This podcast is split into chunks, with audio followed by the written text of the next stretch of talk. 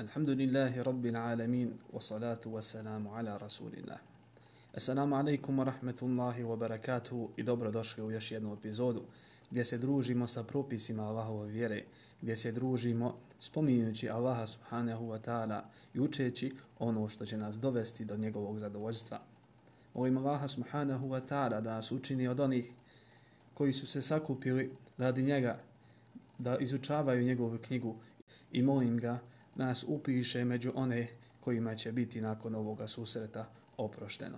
Kao što smo prošli puta govorili o vrstama nečistoća koje je potrebno otkloniti sa svoga tijela, da bi muslima mogao pri tom stanju obaviti abdest, danas ćemo za Allahovu pomoć govoriti šta je to sa čime se otklanjaju te nečistoće, to jest govorit ćemo o vodi.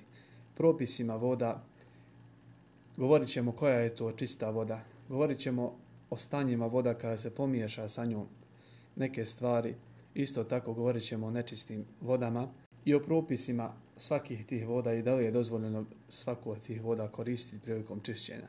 Postanite sa nama da čujete odgovore na ove stvari i još mnogo drugih zanimljivih stvari. Prva stvar koju treba reći jeste u stvari šta je to voda.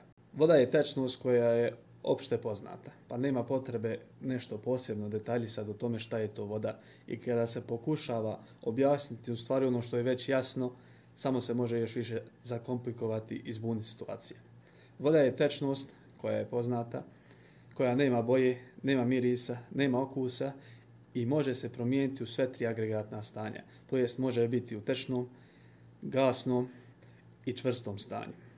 I ovo je jedna velika stvar o kojoj musliman treba razmisliti. To je shodno pravilo koje je spomenuo šehu Islami Bitaimija, rekao je da svaka stvar za koju ljudi imaju potrebu u svome životu na ovom svijetu i opšte imaju potrebu za njom, shodno veličine te potrebe, Allah subhanahu wa ta'ala je dao da ta stvar bude prisutna kod njih i u njihovoj blizini bude im dostupna shodno toj potrebi. Na primjer, toga imamo zrak i voda.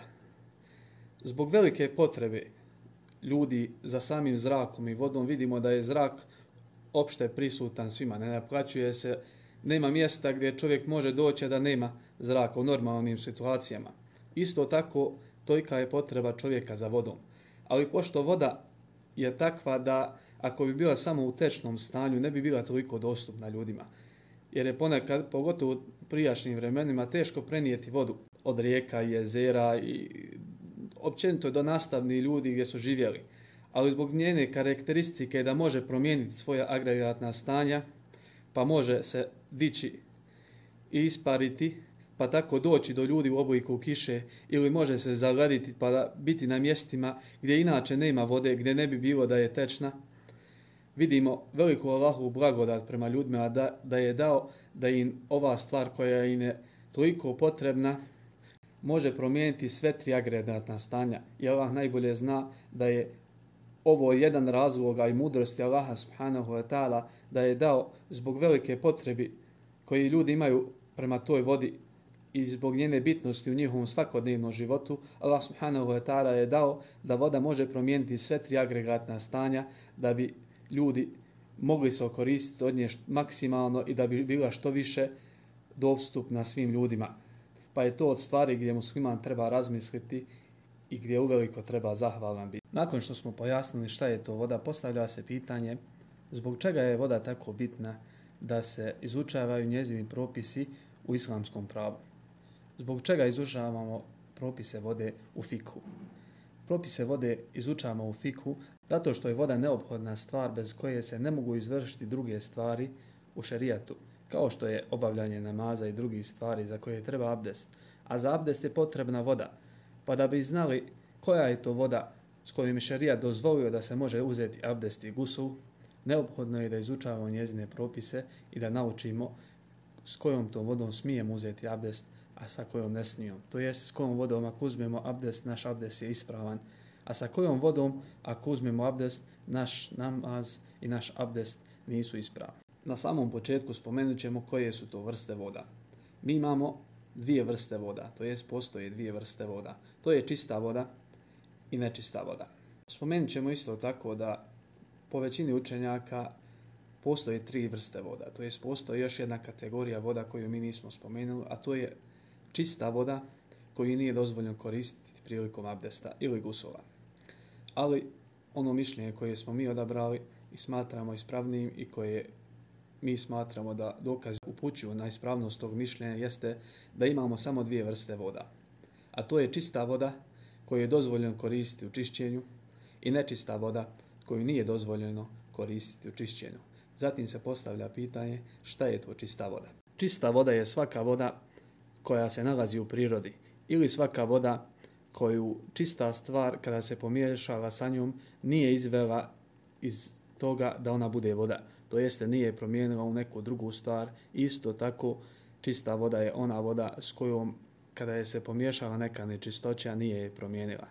Pa je čista voda prirodna voda, voda koja ima u sebi čiste tvari, ali je još uvijek voda isto tako voda koja se pomiješala sa nečistoćom, ali je nije promijenila.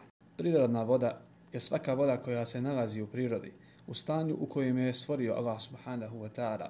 I to je čista voda. To jeste, tu vodu je dozvoljeno koristiti prilikom čišćenja.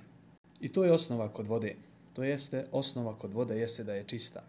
Pa nema potrebe, shodno toj osnovi, kada nađemo neku vodu ili na neko donese neku vodu, na koju nema naznaka da je nečista, nema potrebe istraživati da li je ta voda čista i nema potrebe tražiti dokaze da li je ta voda čista, jer je osnova kod te vode da je čista. Pa nam treba drugi argument koji nas izveo iz te osnove, to jest moramo dokazati da je nečista.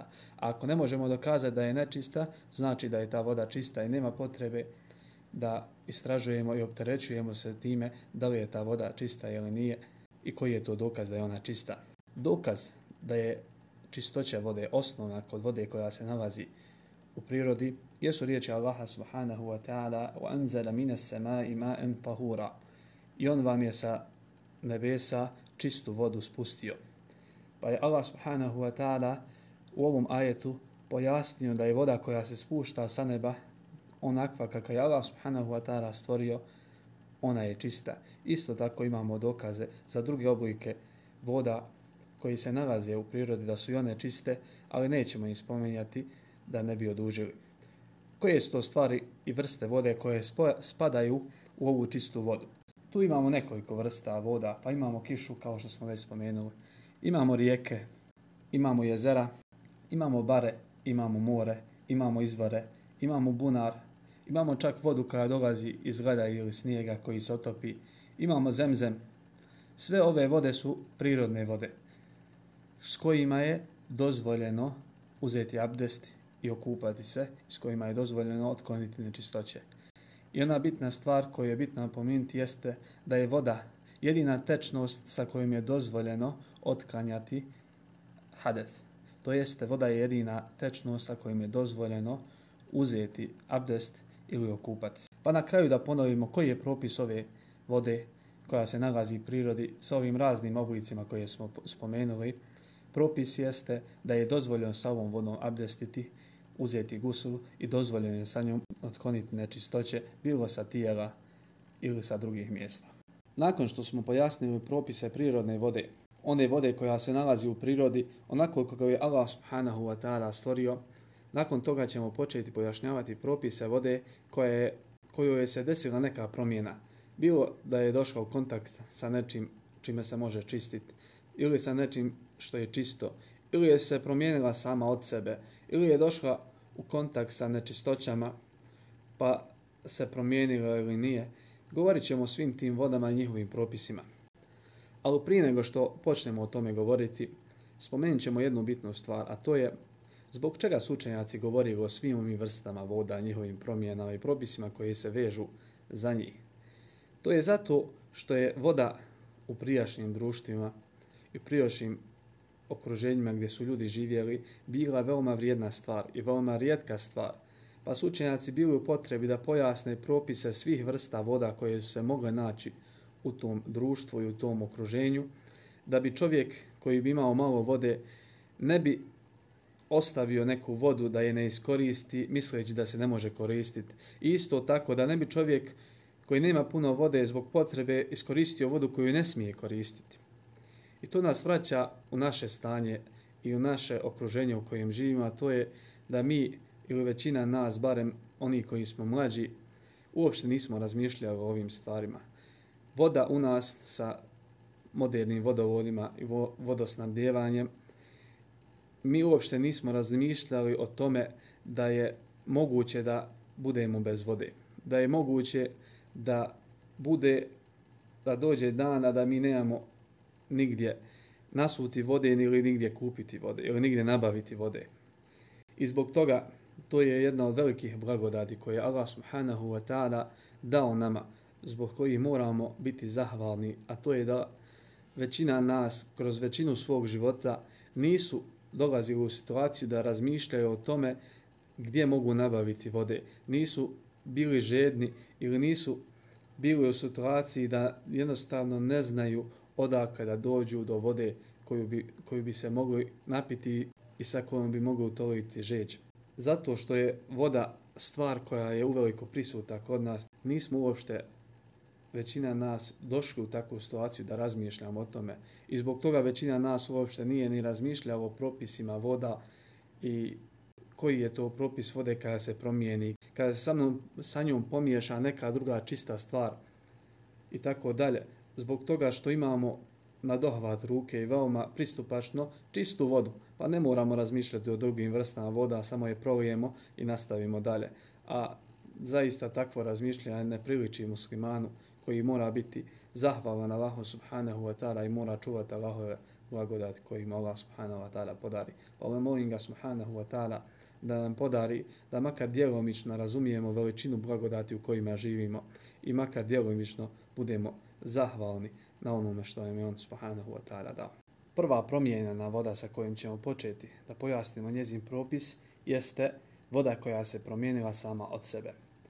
To je ustajala voda koja je zbog stajanja u određenom posudi ili određenom mjestu desila se promjena bilo u njenom mirisu ili u njenom okusu ili čak u njenoj boji. Pa, na primjer, voda koja stoji u određenoj bari ili rupi u zemlji ili u drvetu ili u današnje vrijeme voda koja stoji u flaši duže vrijeme ili u bačvi od željeza. E, sve te vode će sa vremenom poprimiti određene svojstva od onoga u čemu su bili. Pa će ustajala voda do, poprimiti okus plastike ili okus željeza ili će poprimiti određeni okus zemlje u kojem je bila, koja je duže vremena stajala na njem. Pa koji je propis ove vode? Ova voda je bez sumnje čista, dozvoljena je piti i dozvoljena je koristiti u čistoći, to jest u abdestu i kupanju. Jedina stvar koja se može ovdje e, uh, obratiti pažnja na tu ispomenuti jeste to da sa strane šarijata ta voda je čista, dok njezna upotreba vraća se na to da li je ona postala štetna ili nije. Jer voda nek ponekad stajajući u određene vrste zemlje, u određene vrsta posuda, može poprimiti određena svojstva ili mogu u nju se utopiti određene čestice koje postanu otrovne i veoma štetne za čovjeka. Pa u tom slučaju ta voda nije dozvoljena koristiti ne zato što ona nije čista, nego zato što je ona postala štetna. U ovu vrstu vode isto spada, može se reći, na primjer, voda iz ribnjaka kojoj imaju ribe. A poznato je ako imamo vodu iz ribnjaka i u njoj imaju ribe, da će ta voda nužno promijeniti svoj miris ili svoju, svoj okus. Isto tako ta voda je čista i dozvoljeno sa njom se čistiti. Od voda koju možemo isto tako spomenuti jesu vode koje izvorske vode koje prolaze kroz zemlju, pa prolazeći kroz zemlju, proprime određena svojstva, bilo okusa ili mirisa, prolazeći kroz tu zemlju da pokupi bilo neke minerale ili takve slične stvari, pa se promijenja određena svojstva kod nje, isto tako i ta voda je čista. Pa, shodno tome, imamo kiselu vodu ili mineralnu vodu kod nas, koja je prisutna u našoj zemlji, taka voda shodno ovom pravilu jeste čista i dozvoljena koristiti prilikom čišćenja. Isto tako u tom propisu isto je nalazi se voda u kojoj ima određen dio hrđe koja prolazi kroz cijevo vode, pogotovo kad se tek pusti voda, kad se tek pusti voda kroz cijevo vod, taj prvi maz vode pokupi određenu hrđu iz tih cjevovoda. Pa koji je propis te vode? Ta voda je isto tako čista. Dozvoljeno je koristiti u čišćenju, s tim da nije, kao što smo rekli, zbog prethodnog, isto tako prethodnog stvaranja, tu vodu nije preporučljivo piti, ne zato što ona nije čista, nego zato što je ta hrđa i željezo štetno za čovjekovo tijelo i može biti veoma otrovno kada on unese hrđu u svoje tijelo. Pa je ta voda čista, ali se ne preporučuje da se pije zbog drugih svojstva, ne, ne samo zbog svoje čistoće, nego zato što je ta hrđa koja je prisutna u vodi veoma štetna. Shodno tome da ponovimo, voda koja je ustajala ili promijenila neka druga svojstva, bilo zbog posude ili zbog zemlje u kojoj se nalazi ili zbog cijevi kroz koje polazi, ta voda je čista i dozvoljeno je koristiti pri čišćenju. Nakon toga prelazimo na vodu koja je promijenjena stranim faktorom, to jeste nekom drugom tvari koja je ušla u vodu. Te takve stvari možemo podijeliti na tri kategorije. Prva jeste stvar koja se pomiješava vodom, a koja isto tako može se koristiti u čišćenju kao voda. Zatim je druga stvar, jeste i druga kategorija, jesu stvari koje su čiste same po sebi, koje su se pomiješale sa vodom ali koje se ne mogu koristiti u čišćenju, to je s prilikom gusela i abdesta. I treća stvar jesu nečiste stvari koje su se pomiješale sa vodom. I prva stvar sa kojom ćemo početi jeste stvari koje su se pomiješava sa vodom, a koje se isto tako mogu koristiti prilikom čišćenja. Takve stvari koje su čiste i koje se pomiješaju sa vodom i koje se mogu koristiti u čišćenju su osnovi dvije stvari. A to je sama voda koja je čista i kojom se može čistiti sama voda kada se doda drugoj vodi. Jer znamo da neke određene vrste voda mogu se razlikovati u svojim svojstvima. Pa bilo da mogu biti slane ili slatke ili se mogu razlikovati pa po pitanju od toga odakle dolazi bilo da su kiša ili led ili izvorske vode ili vode ili iz rijeke. Pa miješanje takvih vrsta voda, bilo da ulijemo slanu vodu u slatku ili da pomiješamo vode iz dva različita izvora ili da se rijeka ulije u more ili da uzmemo mi ili da upadne određena vrsta leda, količina leda u neku vodu pa se otopi u njoj, koji je propis te vode, ta voda je bez sumnje čista i dozvoljena koristiti u čišćenju, jer takva promjena ne utječe na propis vode, pogotovo zato što se pomiješale dvije stvari koje imaju isti propis, pa ono što je rezultat iz njih isto tako ima isti propis, a to jeste da je to čista voda koju je dozvoljeno koristiti prilikom čišćenja i prilikom abdesta i gusla. Druga stvar koja se može pomiješati sa vodom, a koja se može upotrebati u čišćenju, jeste zemlja. To je zato što je rekao Allahu poslanik sallallahu alejhi ve sellem kaže: "Dato mi je pet stvari koje mi nije dato nikom prije mene." Pa je između toga od tih pet stvari spomenuo rekao: i dato mi je da na čitavoj zemlji mogu kanjati i da se sa njom mogu čistiti. Pa je zemlja ima takvo svojstvo poput vode da se sa njom može otkanjati hadeth. Tako da voda koja promijeni neka od ovih svojstava, bilo u slučaju kiše, pa se voda pomuti, ili da sama izvorska voda biva pomiješana sa zemljom i koja promijeni njez, neka od njezih svojstava, to jest bilo njezin miris, okus ili boju, ili u bilo kojim drugim situacijama kada se voda, čista voda, pomiješa sa čistom zemljom, ono što bude rezultat između toga je čista voda koju je dozvoljeno se čistiti i s kojom je dozvoljeno uzeti abdest i gusl. Pa koji je propis vode koja se pomiješa sa zemljom? Bilo da promijeni svoj okus ili svoj miris ili svoju boju, koji je njezin propis? propis takve vode jeste da je čista i dozvoljene koristiti u čišćenju. Na kraju jedna bitna stvar koju moramo napomenuti jeste kada voda koja se, koja se pomiješava sa zemljom postaje zabranjeno da se upotrebljava u guslu i abdestu. To je onda kada ta voda u stvari prijeđe u zemlju. Pa kada većinski udio u toj smjesti bude u stvari zemlje, više nego vode, to jest ona postane blato. I tada u stvari nije da je zemlja se pomiješala sa vodom, nego da je se voda pomiješala sa zemljom. Onda kada ta voda ili tečnost prijeđe u blato i postane gusta, onda je to postala zemlja koju nije dozvoljeno koristiti u abdestu i gusku, jer smo rekli da je jedina stvar koju je dozvoljeno koristiti u abdestu i gusku čista voda.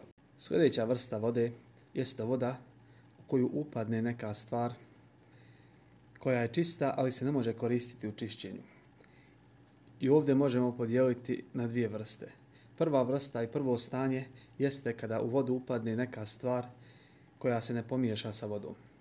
A druga situacija jeste kada u nju upadne neka stvar koja se pomiješa sa vodom. Pa prva situacija kada u vodu upadne neka stvar koja je čista, ali se ne pomiješa sa njom. Na primjer, drvo ili metal ili plastika. Na primjer, imamo flaše koje su bačene u rijeku, koje su nažalost bačene u rijeku, pa se pomiješaju sa vodom, ili kamenje, ili crijep razbijeni, ili keramika, ili nešto bačeno u vodu, ili neke stvari koje rastu u vodu, poput algi, trave, lišća koje padne u vodu, takve stvari koje su odvojene od vode. One jesu upale u vodu, ali su to razdvojeni predmeti koji se mogu odstraniti iz vode.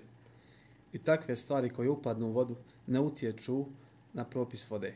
Pa je takva voda čista i ispravna da se koristi u čišćenju, to jest u abdestu i gosulu.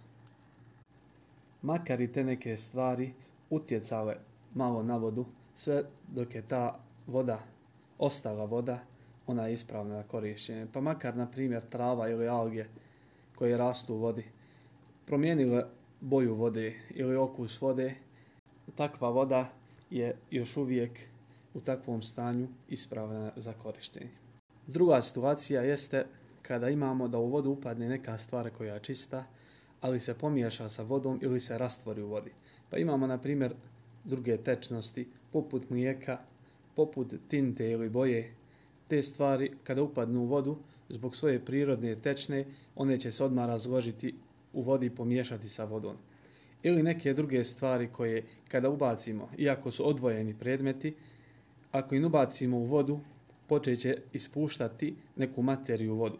Poput čaja ili zrnki čaja ili osušenog čaja, koje kada ubacimo u vodu, on će početi da ispušta materiju u neku vodu. Ili kahvu, zrne kahve kada prokuhamo u vodi, ona će promijeniti svoj kvalitet i te zrnke će ispustiti nešto u vodu. Pa koji je propis ove vode? Ova voda sve dok se ona smatra vodom, dozvoljen je koristiti u čišćenju. Ali kada prijeđe u neku drugu stvar, onda je nije dozvoljeno koristiti u čišćenju. Pa kada u vodu upadne trava ili neka, neki čaj, pa nju promijeni, pa ona postane čaj, onda nije dozvoljeno koristiti u čišćenju, zato što to više nije voda, nego je čaj. Isti slučaj i sa kahvom. Kada se pomiješa kahva sa vodom, ili se prokuha zrne ili kahve u vodi, ta voda više nije voda, nego se sada zove kahva. To jeste prešla iz jedne tečnosti u drugu i nije onda dozvoljeno koristiti u čišćenju. Isti taj je slučaj sa drugim stvarima poput mlijeka, kreča, boje, tinte i drugi stvari. Sve dok ta količina koja se pomiješala sa vodom ne utječe na nju toliko i ono što je rezultat još uvijek se zove vodom iako je malo promijenila svoja svojstva, dozvoljeno je koristiti. Ali kada se ta tečnost koja se ulije u nju ili ta materija koja se stavi u nju toliko utječe na vodu da je pretvori u nešto drugo, onda nije dozvoljeno koristiti tu tečnost u otkanjanju hadeta. Sada ćemo prije nego što počnemo govoriti o vodi koja se pomiješa sa nečistom stvari, spomenuti još jednu promjenu koja se može desiti vodi a to je da promijeni svoju temperaturu. Voda može se ili zagrijati ili ohladiti zavisno od svoje prvobitne temperature. Pa koji je propis uzimanja abdesta i gusova sa vodom koja je ugrijana ili vodom koja je ohlađena? Pa prva stvar jeste voda koja je ugrijana. Voda se može ugrijati sa dvije stvari. Bilo da se ugrije sa suncem I takva voda, iako su neki učenjaci spomenuli da je pokuđena, takva voda je dozvoljeno koristiti prilikom abdesta i gusula bez pokuđenosti. I u to ulaze neke savremene stvari koje imamo, poput kolektora za vodu koji grije vodu. Ili da neko ima neku posudu koja je bila na polju i bačvu koja je bila na polju, koja se ugrijala na suncu, Da li mu je dozvoljeno koristiti ugrijanu vodu da se okupa ili da uzme abdest, dozvoljeno koristiti tu vodu bez ikvake pokuđenosti. Drugi način grijanja vode jeste da se voda ugrije sa vatrom. I ovdje učenjaci dijele vatru na dvije vrste. Vatra koja je zapaljena nečim čistim i vatra koja je zapaljena neki, nečim nečistim. Pa prva vrsta jeste vatra koja je zapaljena nečim čistim. To jeste izvor te vatre i gorivo koje se koristi u toj vatri je čista stvar. A i to su mnoge stvari koje koristimo poput drva, poput uglja, poput plina, nafte i takvih stvari. Voda koja se ugrije na ovim stvarima koje su čiste je dozvoljena da se koristi prilikom abdesta i gusla. Druga vrsta vode koja se ugrije nečim, odnosno koja se ugrije vatrom, jeste voda koja je ugrijana vatrom, koja je zapaljena nečistom stvari. To jeste gorivo koje je korišteno da se ta vatra zapali, jeste nečista stvar. Poput, na primjer, mesa, strvina ili životinja koje nisu zaklani ili njihovi dijelova tijela poput kože ili izmeta životinja koje osušenog izmeta životinja koje nije dozvoljeno jesti ili poput na primjer ili čak na primjer domaćeg mazgarca kojeg nije dozvoljeno jesti njegov izmet je nečist ili drugi životinja koje nije dozvoljeno jesti kada se te stvari nečiste zapale i na toj vatri se ugrije voda, da li je dozvoljeno koristiti tu vodu? Mjerilo toga kod učenjaka jeste da li ta voda se zaprlja ili ne. Zbog toga su neki učenjaci prenijeli jednoglasno mišljenje učenjaka da ako smo sigurni da ništa od te nečistoće nije dospjelo u tu vodu, takvu vodu je dozvoljeno koristiti u abdestu i gusulu bez ikakve pokuđenosti. Dok ako usp, dospije nešto od nečistoća u tu vodu, eh, to pitanje se vraća nešto drugo što ćemo spomenuti kada budemo govorili o vodama koje se pomiješaju sa nečistoćama. I ovdje ukratko ćemo spomenuti jeste da ta voda biva čista, jer takva stvar koja upadne u nju nije dovoljna da promijeni vodu. A pojasnit ćemo zašto su, inša Allahu ta'ala, pojasnit ćemo kasnije zašto su neki učenjaci rekli da je ta voda zabrana za korištenje. Pa ukratko, voda koja je ugrijana sa nečistom stvari, bilo da uspije nešto u nju ili ne dospije nešto u nju, sve dok ta nečistoća ne promijeni tu vodu i ne osjeti se promjena u toj vodi bilo u njenom mirisu, okusu ili boji, zbog te nečistoće u vatri, takva voda je dozvoljena za korištenje sve dok se ne promijeni. Voda koja se zagrije, ako se dovoljno zagrije, ona će se pretvoriti u paru.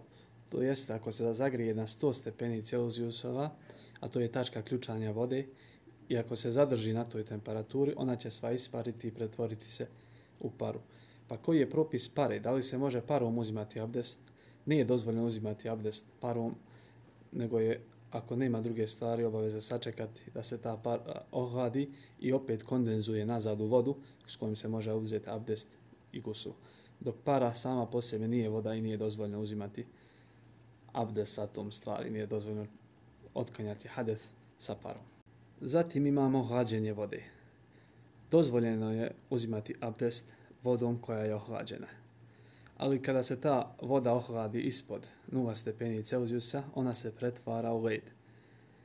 I ne bi trebalo uzimati vodu koja se pretvorila u led, ne bi trebalo sa njom uzimati abdest sve dok se opet ne otopi i pretvori u vodu. Zato što je uslov ispravnosti abdesta jeste da voda mora poteći po dijelu kojim se pere. Znači, voda mora poteći, dok voda koja je u stanju leda, koja je zagađena, ne može teći. Pa tim u toj situaciji musliman dovodi svoj abdest u pitanje da li je se, ta, da li je se led ili snijeg otopio ili nije. Dok ako čovjek uzme led ili snijeg u posudu pa je otopi i onda abdesti tvom vodom, takav abdest je ispravan. Pa na kraju vidimo da nema neke posebne pokuđenosti u tome da voda promijeni temperaturu i nije pokuđena s takvom vodom uzimati abdest ili gusu. Ali ono što su učenjaci spomenuli i što su rekli da je pokuđeno, a to je da voda koja je previše ugrijana ili koja je previše hladna, da je pokuđeno s tom vodom uzimati abdest ili gusul. Ne zato zbog same temperature i pokuđenosti koja se krije u tome, ne, nego zato što će ta temperatura, bilo da je previše voda topla ili previše hladna, dovesti ili može uzrokovati da čovjek nepotpuno uzime svoj abdest. Jer je poznato da ako je voda previše vrela, izbjegavaće da je previše uzme i pokušavaće da što, sa što manje vode uzme abdest ili da se okupa. Isto tako sa hladnom vodom. I u takvoj situaciji dovodi u pitanje svoj abdest ili svoj gusul. Pa ne bi trebalo da musliman uzima abdest takvom vodom koja je previše topla i previše hladna. Pa bi je trebalo ili ugrijati ili sačekati da se ohladi pa onda se očistiti sa njom. Isto tako imamo vodu koja je previše hladna, na primjer, da bi se sa njom abdestilo. A musliman u tom trenutku obavezan je da se okupa. Pa ako je u stanju, obavezan je da tu vodu ugrije zato što se ne može okupati osim s vodom. Pa ako ima vodu koja je previše hladna i boji se da će mu ta voda naštetiti ako se okupa s takvom hladnom vodom, obavezan je da ugrije tu vodu. Dok ako nije u stanju da ugrije tu vodu, i boji se da će mu ta voda naštetiti, da će se razboljeti, onda mu je dozvoljeno da uzme temom o kojem ćemo govoriti kasnije uz Allahovu pomoć.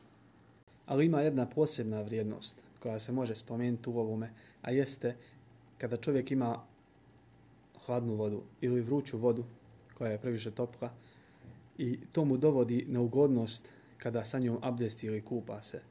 Ali on zbog potrebe zatim da bi upotpunio svoj namaz strpi se na tome strpi se na toj hladnoći ili toploti, to je ono o čemu je obavijestio Allah poslanik sallallahu alejhi ve sellem kada je rekao zar vas, da vas ne obavijestim o onome čime Allah subhanahu wa ta'ala briše grijehe i uzdiže stepenove. Pa je spomenuo tri stvari, a jedna od njih je upotpunjavanje abdesta prilikom poteškoća. To jeste, iako mu je teško, iako je voda topla, ili je voda hladna, ili je samo vrijeme hladno, ali on u tom trenutku osoba se trudi da upotpuni svoj abdest, to je stvar kojom Allah subhanahu wa ta'ala briše grijehe. Jer je od šarijatskih pravila na koje ukazuju šarijatski tekstovi to da vrijednost nekog dijela biva shodno po teškoći koja se ne može odvojiti od tog dijela. To jeste ne po teškoći koje je osoba sebe dovela, nego po teškoći koja je u tom trenutku nerazdvojna od tog dijela.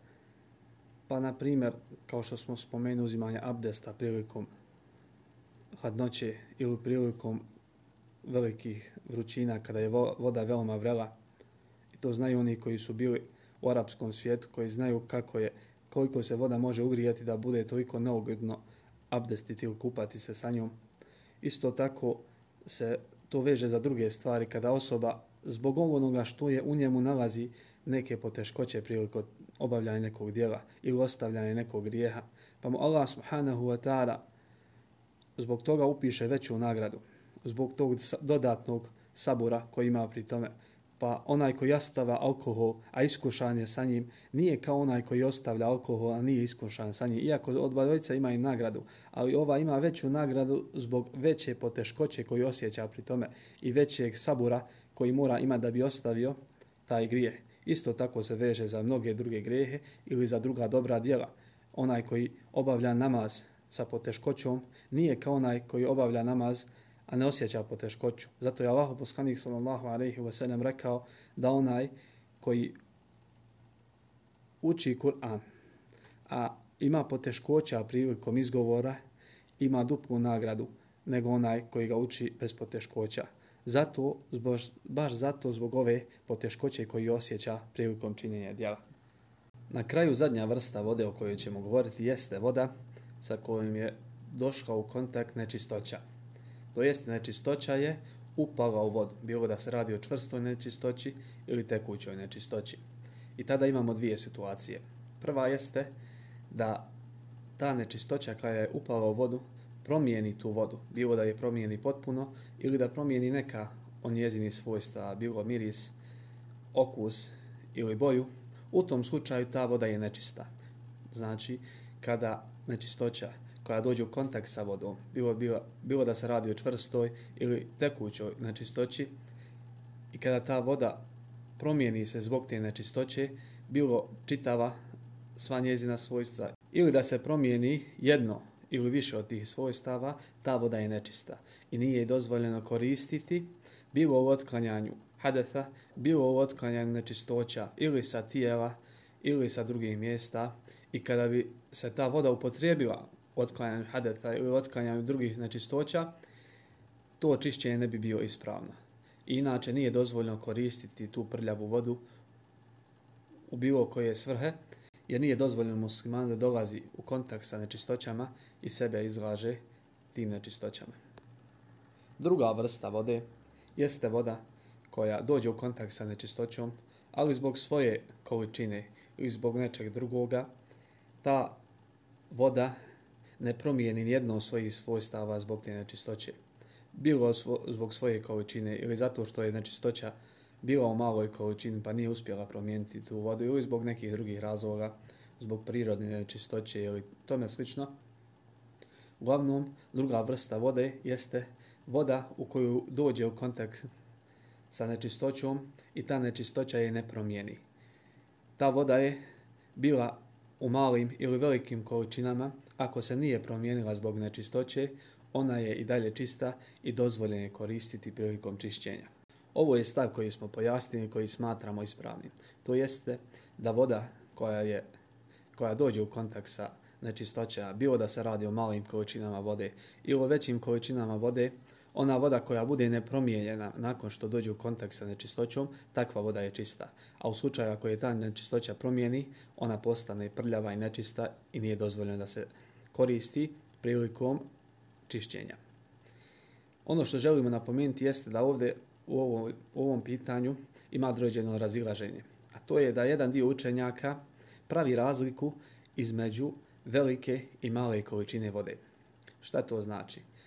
Znači da taj dio učenjaka veliku količinu vode koja iznosi dva kulleta, to je zapreninska mjera, jedan kulle, moglo bi se reći da je to jedan oblik bureta ili bačve, koji u sebi ima otprilike 80 litara. Pa su dva kuleta oko 160 litara približno. Pa je to granica za veliku i malu količinu vode. Ono što je, iznosi 160 litara iznad toga je velika količina vode, a ono što je ispod toga je manja količina vode. E, ovaj dio učenjaka pravi razliku između velike količine vode i manje količine vode u slučaju kada voda odnosno nečistoća, dođe u kontakt sa vodom i ne promijeni. To jeste, nema razilazenja među učenjacima, bilo da se radi o velikim količinama vode ili malim količinama vode, da kada dođu u kontakt sa nečistoćama i ta nečistoća promijeni vodu, da je ta voda nečista. Isto tako, nema razilaženja među učenjacima da velike količine vode. Ako dođu u kontakt sa nečistoćom i ta nečistoća i ne promijeni, da ta voda isto tako je čista. Ono u čemu je razilaženje među učenjacima jeste u manjim količinama vode i to po pitanju nečistoća koji dođu u vodu, ali je ne promijeni.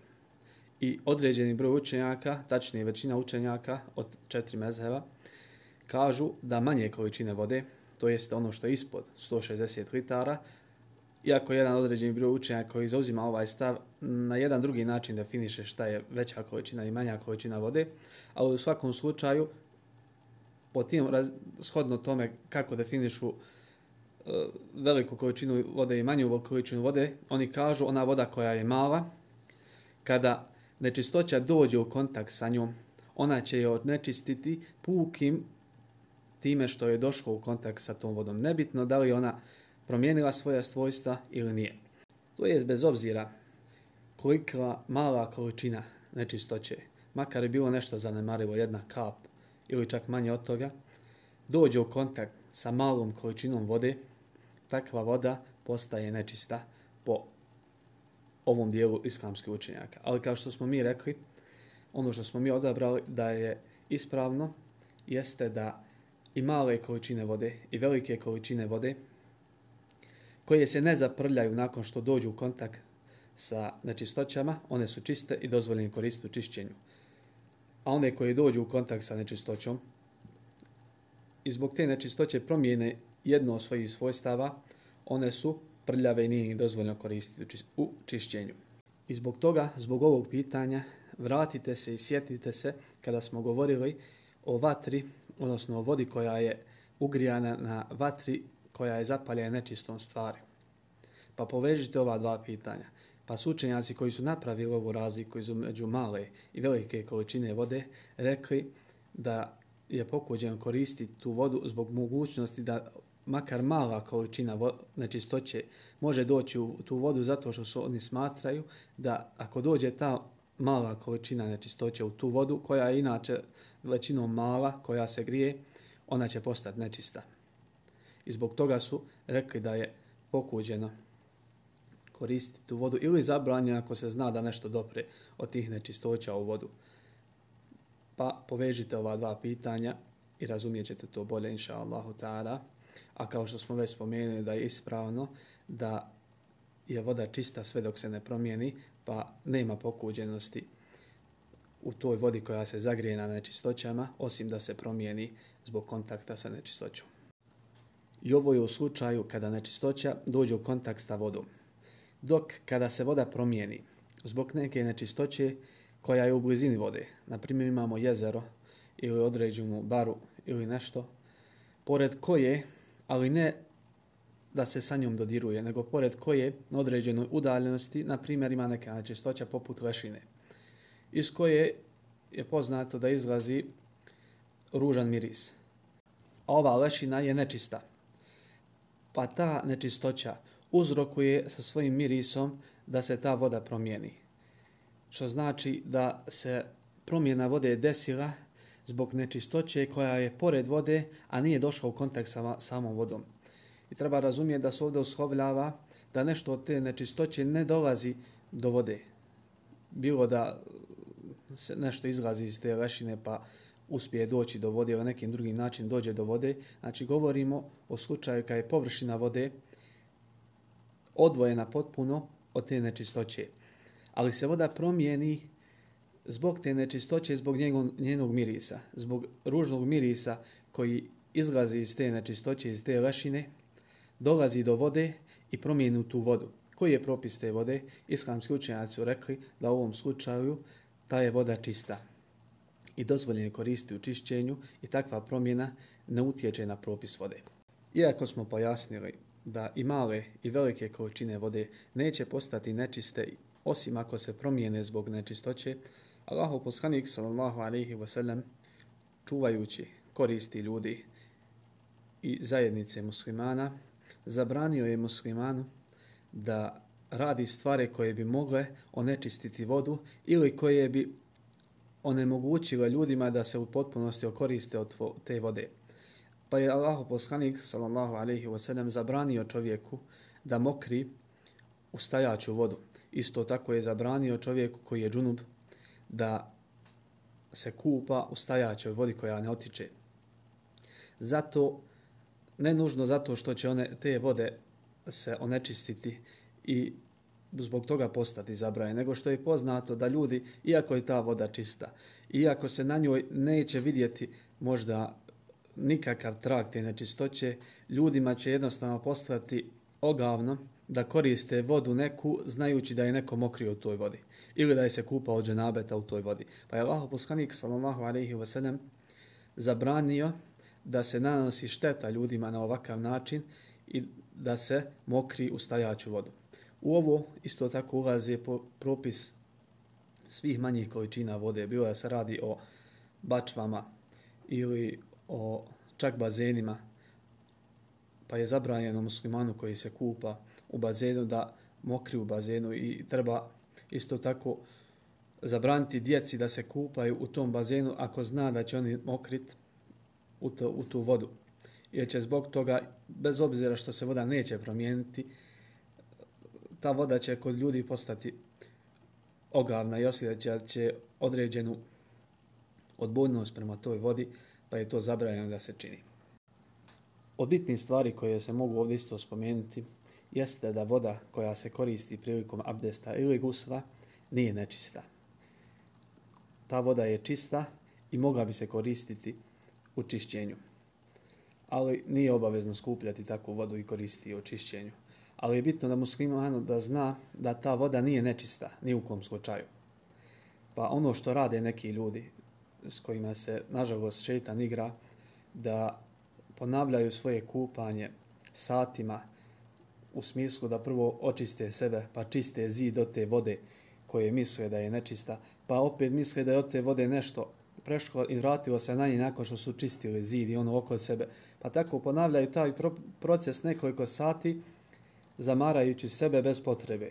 Treba znati da ta voda koja je upotrijebljena u otklanjanju velikog i malog hadetha nije nečista, nego je to čista voda i nema potrebe čistiti ono do čega je došla ta voda. Osim u slučaju gusula, u slučaju dženabeta, da ono što čovjek otkloni o sebe od nečistoća, to bude nečisto. Ali voda koja bude na drugim dijelovima tijela koji na, na kojima nema nečistoća, ta voda je čista i nema potrebe da je pere sa drugih stvari na koji može do, doći. Tako da je voda koja se upotrebi u otklanjanju velikog i malog hadetha čista voda. Također, kada musliman vidi osobu koja hoće da koristi vodu koja je nečista, obavezan da je obavijesti o tome, jer nije dozvoljeno da, kao što smo već spomenuli, da musliman izlaže svoje tijelo nečistoćama, pa je obavezan musliman koji zna da je određena voda nečista, da obavijesti drugom muslimana ako taj hoće da upotrebi tu vodu u čišćenju, obavezan je da, da ga upozori i da mu kaže da je ta voda nečista zato što je zabranjeno koristiti prilikom čišćenja. Jer iako e, smo rekli da je voda čista ako se na njoj nema ne osjeti promjena od nečistoće, nekada te promjene mogu biti male. Pa čovjek može pomisliti da je ta promjena se desila zbog zato što je voda ustajala, ne misleći da je ona stvarno došla u kontakt sa nečistoćom. Jer osnova je da nije došla u kontakt sa nečistoćom, osim da to zna. A može se promijeniti raznim razlozima koji su dozvoljeni, koji neće očistiti vodu. Pa moguće da čovjek nekad ne primijeti da u njoj ima nečistoće, iako je ta nečistoća promijenila vodu. Pa je obavezan musliman da obavijesti drugog e, ako hoće taj da upotrebi tu nečistu vodu, da ga upozori da ne bi to uradio. Isto tako, ako ga povjeriljiva osoba obavijesti da je ta voda nečista, obavezan je od njega da prihvati i nije mu dozvoljeno da tu vodu upotrebljava u čišćenju. Kada govorimo o nečistim vodama, trebamo spomenuti i kako se u stvari vode čiste. Islamski učenjaci su spomenuli nekoliko načina kako je moguće očistiti vodu. I neki od tih načina se vraćaju na pitanje koje smo već spomenuli, a to je da se male količine vode koje dođu u kontakt sa nečistoćama onečiste makar se ne promijene. Pa za takvu vodu su rekli da će se noj dodati druga količina vode koja je čista, toliko da ona prijeđe u veliku količinu vode, pa nakon što u njoj više se ne vidi trag nečistoće, a prešla je u veliku količinu vode, bit će i kod njih čista. Isto tako spominju drugi način, jeste da voda s vremenom može da se očisti. Velike količine vode posebno, iako su nečiste, s vremenom ta voda očisti samu sebe. To jeste ta nečistoća nestane iz vode na bilo koji način i ta voda isto tako čista.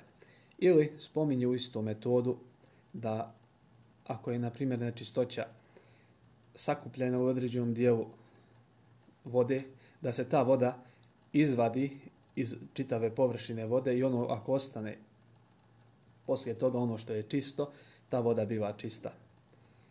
Ali ono što ćemo spomenuti jeste da čišćenje vode zavisi samo od jedne stvari. Postojanje ili nepostojanje nečistoće u toj vodi.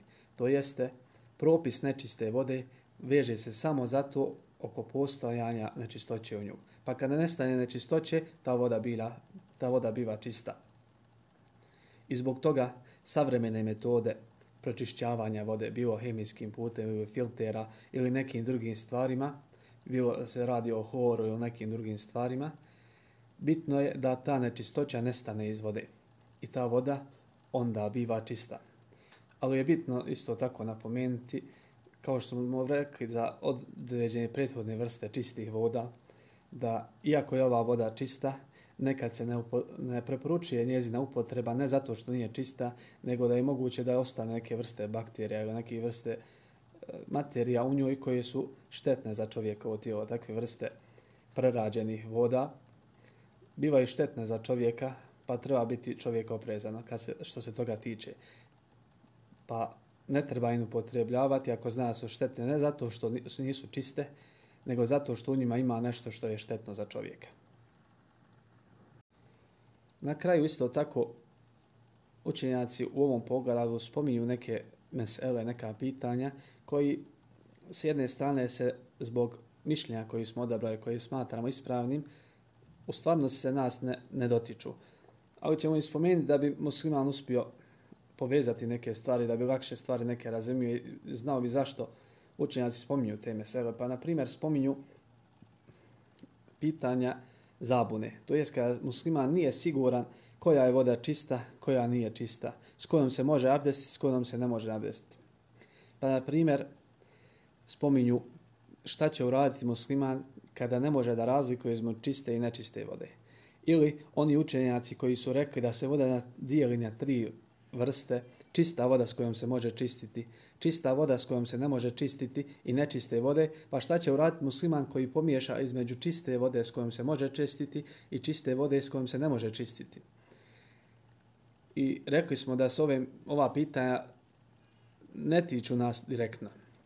Zato po stavu koji smo mi odravali prvo, da postoje samo dvije vrste voda, čista i nečista. Pa ne može pomijestati između vode koja je čista s kojom se može čistiti i vode koja je čista s kojom se ne može čistiti.